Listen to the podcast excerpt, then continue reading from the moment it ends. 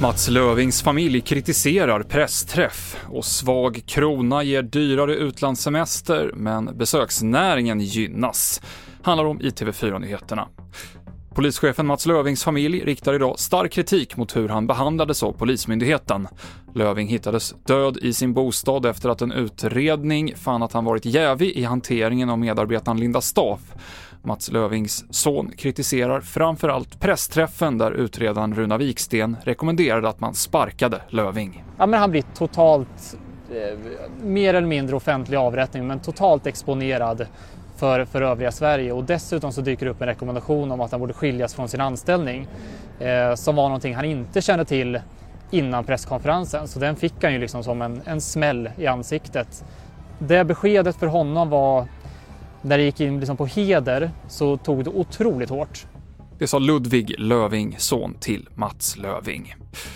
I sommar så väntas Trafikverkets banarbeten ställa till problem för såväl resenärer som besöksnäringen.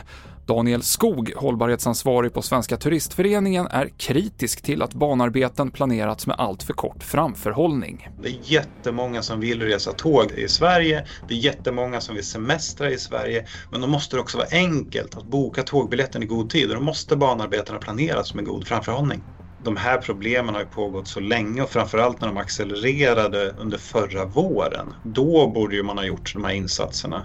Vi hade ju personliga möten med, med till och med generaldirektören på Trafikverket förra sommaren för att säga nu måste de här problemen lösas. Och nu sitter vi här ett år senare och problemen är ännu värre. Mer på semestertemat. Kronan är just nu rekordsvag. I morse kostade en euro 11 kronor och 69 öre, skriver DN. Något som gör det dyrt för den som tänker resa utomlands i sommar. Å andra sidan leder det här till ett ökat intresse hos utländska turister att komma hit till Sverige eftersom de får mer för pengarna. Det här säger det statliga turismbolaget Visit Sweden till SR.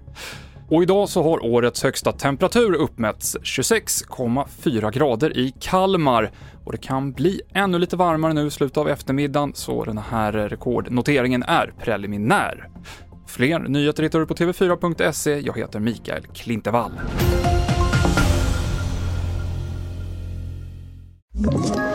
Ett poddtips från Podplay.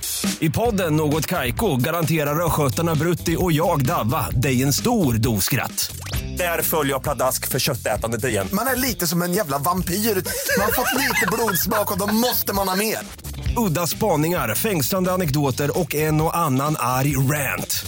Jag måste ha mitt kaffe på morgonen för annars är jag ingen trevlig människa. Då är du ingen trevlig människa, punkt. Något Kaiko, hör du på Podplay. Därför arkadeinerna.